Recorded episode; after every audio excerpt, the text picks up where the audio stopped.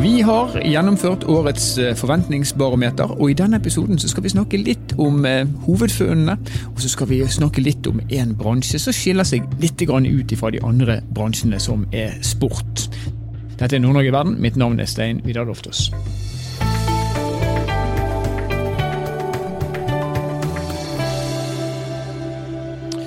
En kraftig økning i råvareprisene gjør at byggekostnadene for nye eneboliger skyter i været. Men mens eh, bygg- og anleggsbransjen i Nord-Norge ser med bekymring på utviklingen, er det andre deler av næringslivet som eh, forventer en forsiktig vekst i det kommende året.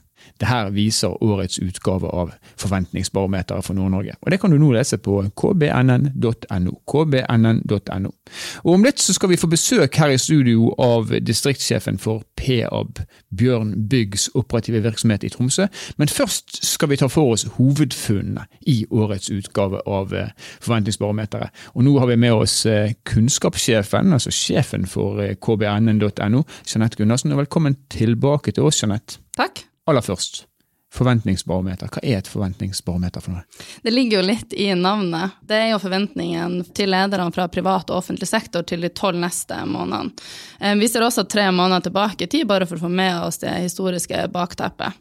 Men der får de eh, gi sine syn på flere ulike områder, da, både på hvordan utviklinga blir i landsdelen, men også i den enkelte bransje. Og så stiller vi også noen flere spørsmål innenfor klima og EU-taksonomi, blant annet. Og svarene fra alle de dere har snakka med, er det entydig?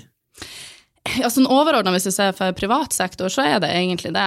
Eh, det er jo en del utfordringer nå, eh, som vi vet, som du nevnte. Det er en del økte kostnader. Mm. Det påvirker også lønnsomheten og igjen utsalgsprisene. Og det er samla tilbakemeldinger fra, fra de fleste aktørene. Som forventa. Men er det noe som overrasker deg? Ja, altså vi ser jo at industrien bl.a. kommer til å Eller ser først at de får de høyeste eh, kostnadsøkningene nå fremover.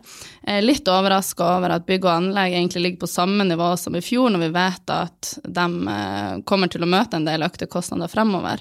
Så det er kanskje det som har overraska meg mest, når man må se på kostnadssida, eller på den reelle På krone og øre, da, egentlig. Mm. Er det noen av disse bransjene dere spør som forventer en, en, en vekst?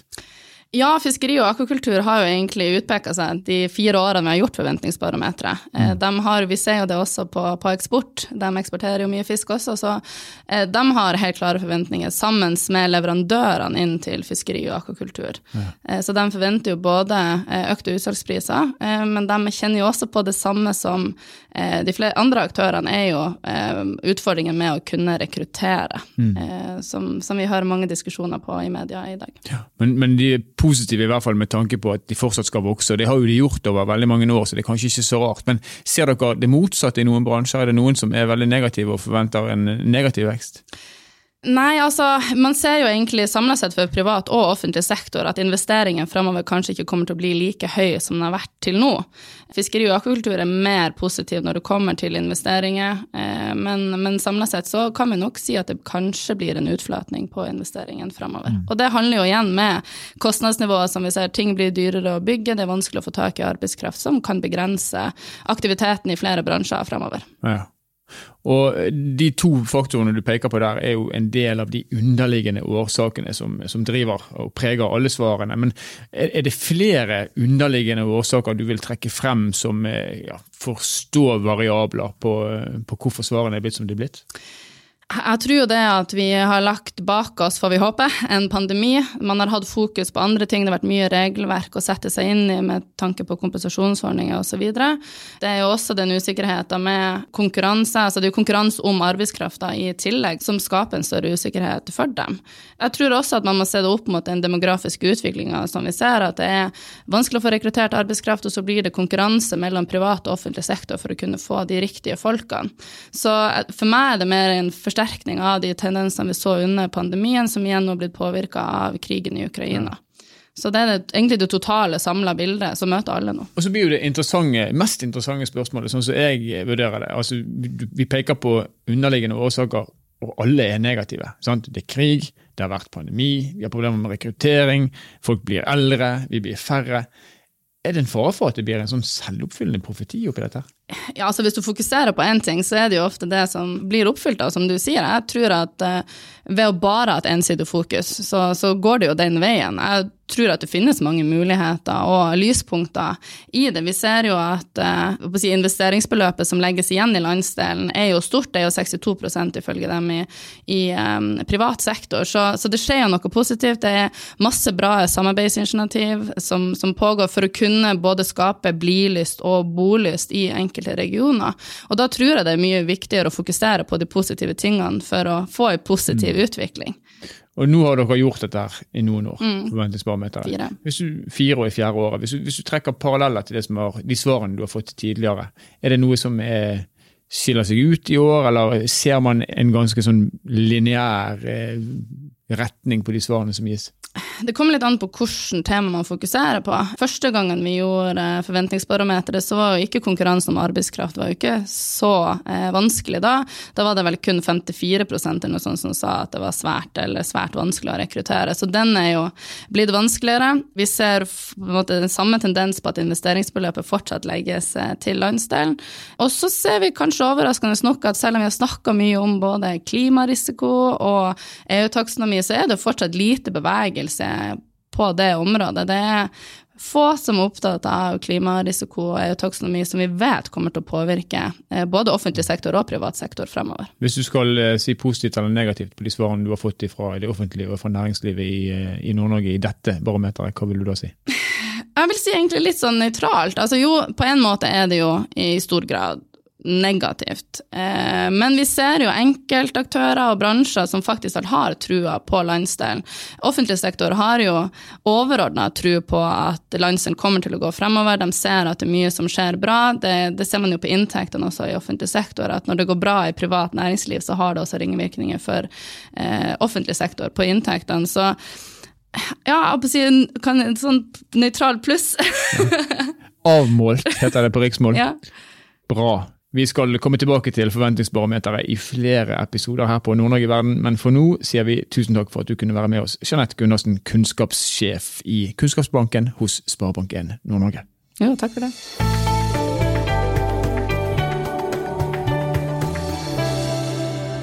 Økte kostnader, færre nye byggeprosjekter og mangel egentlig både på materiell og på arbeidskraft. Mange aktører i bygg- og anleggsbransjen beskriver krevende utfordringer nå om dagen. Og En av de som kjenner, kjenner denne bransjen svært godt, og som sikkert også kjenner utfordringene på kroppen, må man kanskje kunne si, det er du, distriktssjef for eh, PAB Bjørn Bygg. Isak Berntsen, velkommen til oss. Takk skal du ha. Du, jeg må bare starte med å spørre, hvis vi ser på forventningsbarometeret som vi eh, har lansert. Bygg- og anleggsbransjen, lavest forventning til de kommende tolv månedene det, har vært, eh, vært, en eh, veldig spesiell periode i bygg og anlegg der, der eh, fjorsommeren starta egentlig med, med en containerbåt på Tverra i Suez, etterfulgt av ringvirkningen av covid og, og, og nå en krig som, som skaper enorme ringvirkninger globalt. Så vi, I byggebransjen i Norge så opplever vi jo trevarepriser som, som har eh, mangedobla seg i løpet av fjoråret, og stålpriser som har hatt eh, en bratt oppadgående kurve. Som igjen gjør at byggebransjen, som har så lange tidslinjer, ikke klarer å fange opp eh, utviklinga. Så, så det, det, er helt ekstraordinære situasjoner som, som bransjen opplever nå. Ja, så det, det er forklarbart at man er litt, eh, litt mørk i blikket når man blir spurt om fremtiden. Men eh, kan vi ta noen av de detaljene der med en gang? For man, man, kan forstå at en containerbåt på tvers i Suezkanalen kan eh, påvirke markedet, og man skjønner at en krig kan påvirke markedet. Men trelast? Altså, er ikke mye av det produsert i Norge? Hvorfor skal det bli vanskelig å få tak i og bli dyrere akkurat nå? Uten at jeg skal bli arrestert på det, så tror jeg at 80% av trelasten Norge bruker, er importert. Eh, og det er veldig lite drivbar skog i Norge, og kun på Østlandet, som, som det står for, egentlig for 20% av forbruket vårt. Eh, Moelven som største aktør eh, henter mye trevirke fra, fra Sverige og Finland, mens, eh, mens, vi henter totalt sett veldig mye trevirke fra Øst-Europa og tidligere Russland, som nå er avskåret. Eh, Moelven eh, si, argumenterer for en, en barkebillesesong i Canada og USA, som igjen førte til at det amerikanske markedet eh, begynte å importere store mengder tømmer fra bl.a. Norge og Sverige. Sånn at det var med på å drive treprisene eh, til høyder man aldri hadde sett før. Så det er ikke grenser for hvor mange ulykker som faktisk eh, kommer på én gang, rett og slett? Nei, det, i bibelsk forstand så er, så er det mange ulykker som treffer samtidig. Ja. Vi får håpe det kommer sju fete etter de sju magre, var ikke det, det var også Bibelen som skrev om det? Uten at vi skal bli for bibelske her. Men eh, for dere som, som driver da med i byggebransjen, og som sikkert har masse langsiktige kontrakter, eh, dere, blir dere direkte påvirka av råvareprisene, eller har dere sikra dere i forhold til de kontraktene dere har inngått? Ja, da må vi først si at eh, byggevarebransjen er regulert gjennom standarder. Og i, i, i standardene våre så, så har vi jo lønns- og prisstigning som etterreguleres i forhold til beregna lønns- og prisstigning. Og det må også sies at bransjen driver eh, med små marginer. Altså vi opplever fra 0 til 5-6 i, mm. i overskudd. Og klart at Hvis du da ser at, eh, hvis du grovt sett sier at byggematerialer står for hoveddelen av utgiften til bransjen, og du får en eh, lønns- og prisstigning på over 20% i kvartalet, så sier det seg sjøl at, at, det er vanskelig å det blir vanskelig likviditetsmessig, men det blir også vanskelig å, å dra inn eh, og videreføre den kostnaden. Mm. For den kostnaden skal jo påføres en eventuelt byggherre. Og, og til syvende og sist så vil jo det være kjøperen av en ny bolig eller, eller eh, eiendomsutviklingsselskapet som, mm. som, må bære den kostnaden. Og, og, det er det veldig få av de selskapene som, som har tatt med i sin kalkyle. Ja. Og så vet vi at på toppen av det hele så er det en inflasjonsspiral som også rammer eh, sluttbrukerne, altså de som til syvende og sist skal kjøpe boliger, på veldig mange områder. Strømprisene, matvareprisene osv. Ja. Opplever dere nå at eh, folk løper fra kontraktene sine, eller at det blir rett og slett inngått færre kontrakter som, som et resultat av alt dette her som kommer på en gang?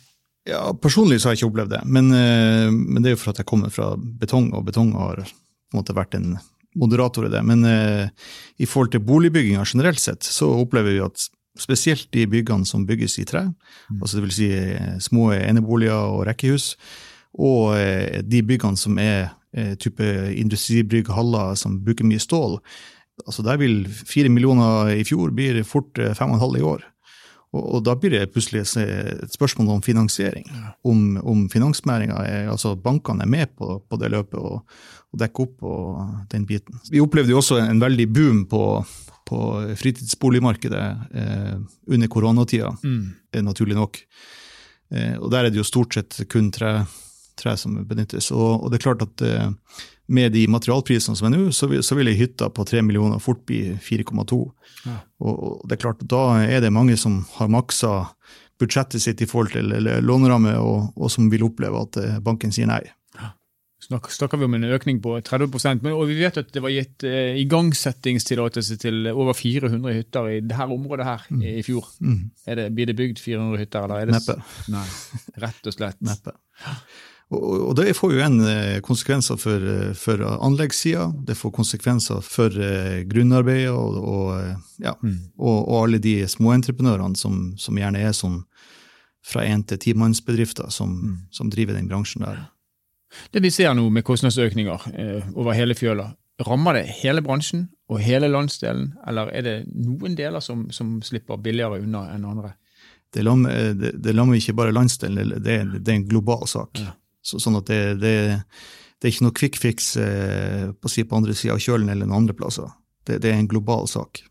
Og det er ingen som er forskåna. Eh, men det er klart at eh, når, når, man eh, ser at hvis du grovt eh, sett inndeler byggematerialer i, i tre parametere, tre, stål og betong, og så sier du at to av dem har en enorm prisstigning, og den tredje har nesten ingen, så sier det seg sjøl at en del vil nok mm. snu eh, byggeprosjekter i retning av mer betong og mm. mindre trestål. Kanskje vi ser fritidshytter i, i mur? Det, det jo, ja. jeg har jo akkurat bygd ei hytte i, i, betong, så Se der, det går an. Ja, det går, det går an. Hvis man kan betong. Ja. Du, eh, nå kjenner jeg at nå blir vi veldig sånn eh, negativt eh, innrettet her, men det, du beskriver jo situasjonen sånn som den er. For det, på toppen av det som har med krig og covid og containerbåter og økning i priser på alle områder, så kommer mangel på arbeidskraft. Mm. Og Jeg hørte nylig at 10% av de som var i Norge, altså som kom fra Øst-Europa og arbeider, har kommet tilbake igjen etter pandemien. Altså 90 er uteblitt. Hvordan er tilgangen? Nå er det kanskje en liksom blessing in disguise at dere får mindre å gjøre, men hvordan er tilgangen på, på arbeidskraft? Nei, eh, Under covid så var det jo problematisk i forhold til regjeringa sin, eh, sin, importstopp av, av arbeidskraft. Og, og, det er klart at hele næringa følger jo veldig tett den prosessen i regjeringa i, i forhold til nye regulativ, i forhold til innleid arbeidskraft osv. Eh, men eh, her i Tromsø og i Nord-Norge så opplever jeg ikke at Eller jeg opplever at vi er bortimot tilbake til normalen. Akkurat. Så det jo, den økonomiske utvikla i, i opprinnelseslandet betyr egentlig mer, sånn sett. Ja. Personlig så, så, har jeg opplevd at jeg har ansatte som, som kommer fra Øst-Europa, eh, som nå har fått med seg familien opp hit fordi at de er redd for at, at eh, krigen i Ukraina skal spre seg til Øst-Europa. Og dermed har flytta familien opp hit og opplever Norge, eller Nord-Norge som en sikrere plass. Eh, bygg- og anleggsbransjen mest negativt, eller minst positivt når det gjelder forventningen til de neste tolv månedene. Men på et annet område som vi også har spurt i dette samme forventningsbarometeret, nemlig forholdet til klima, mm. så skårer også bygg- og anleggsbransjen ganske lavt på, på kjennskap eller på fokus på dette området. Hva er forklaringen på det? Altså, eh, Taksonomi og, og miljø eh, for, for, bygg og anlegg er, er svært sammensatt. Altså, jeg opplever at det, det er en stor splid mellom eh, politiske ytringer og realiteter i, i bransjen. Eh, det er klart vi må ha eh, plasser å, å bo, og må, må, ha skoler og vi må ha bygg. Eh, sånn at bygget må vi, alltid. Men det er klart at, at taksonomien og, og de kravene som, som stilles gjennom bl.a. det nye regulativet som kom i første i første, vil jo medføre at, at det å bygge vakrere og bygge mer varig vil bli mer lønnsomt. Og, og at eh, hele bransjen må, må, snu seg i forhold til å, å tenke gjenbruk, eh, tenke mindre emballasje. Altså det er enorme mengder med med emballeringer eh, og, og restkapp osv. Som, som genereres av bygging.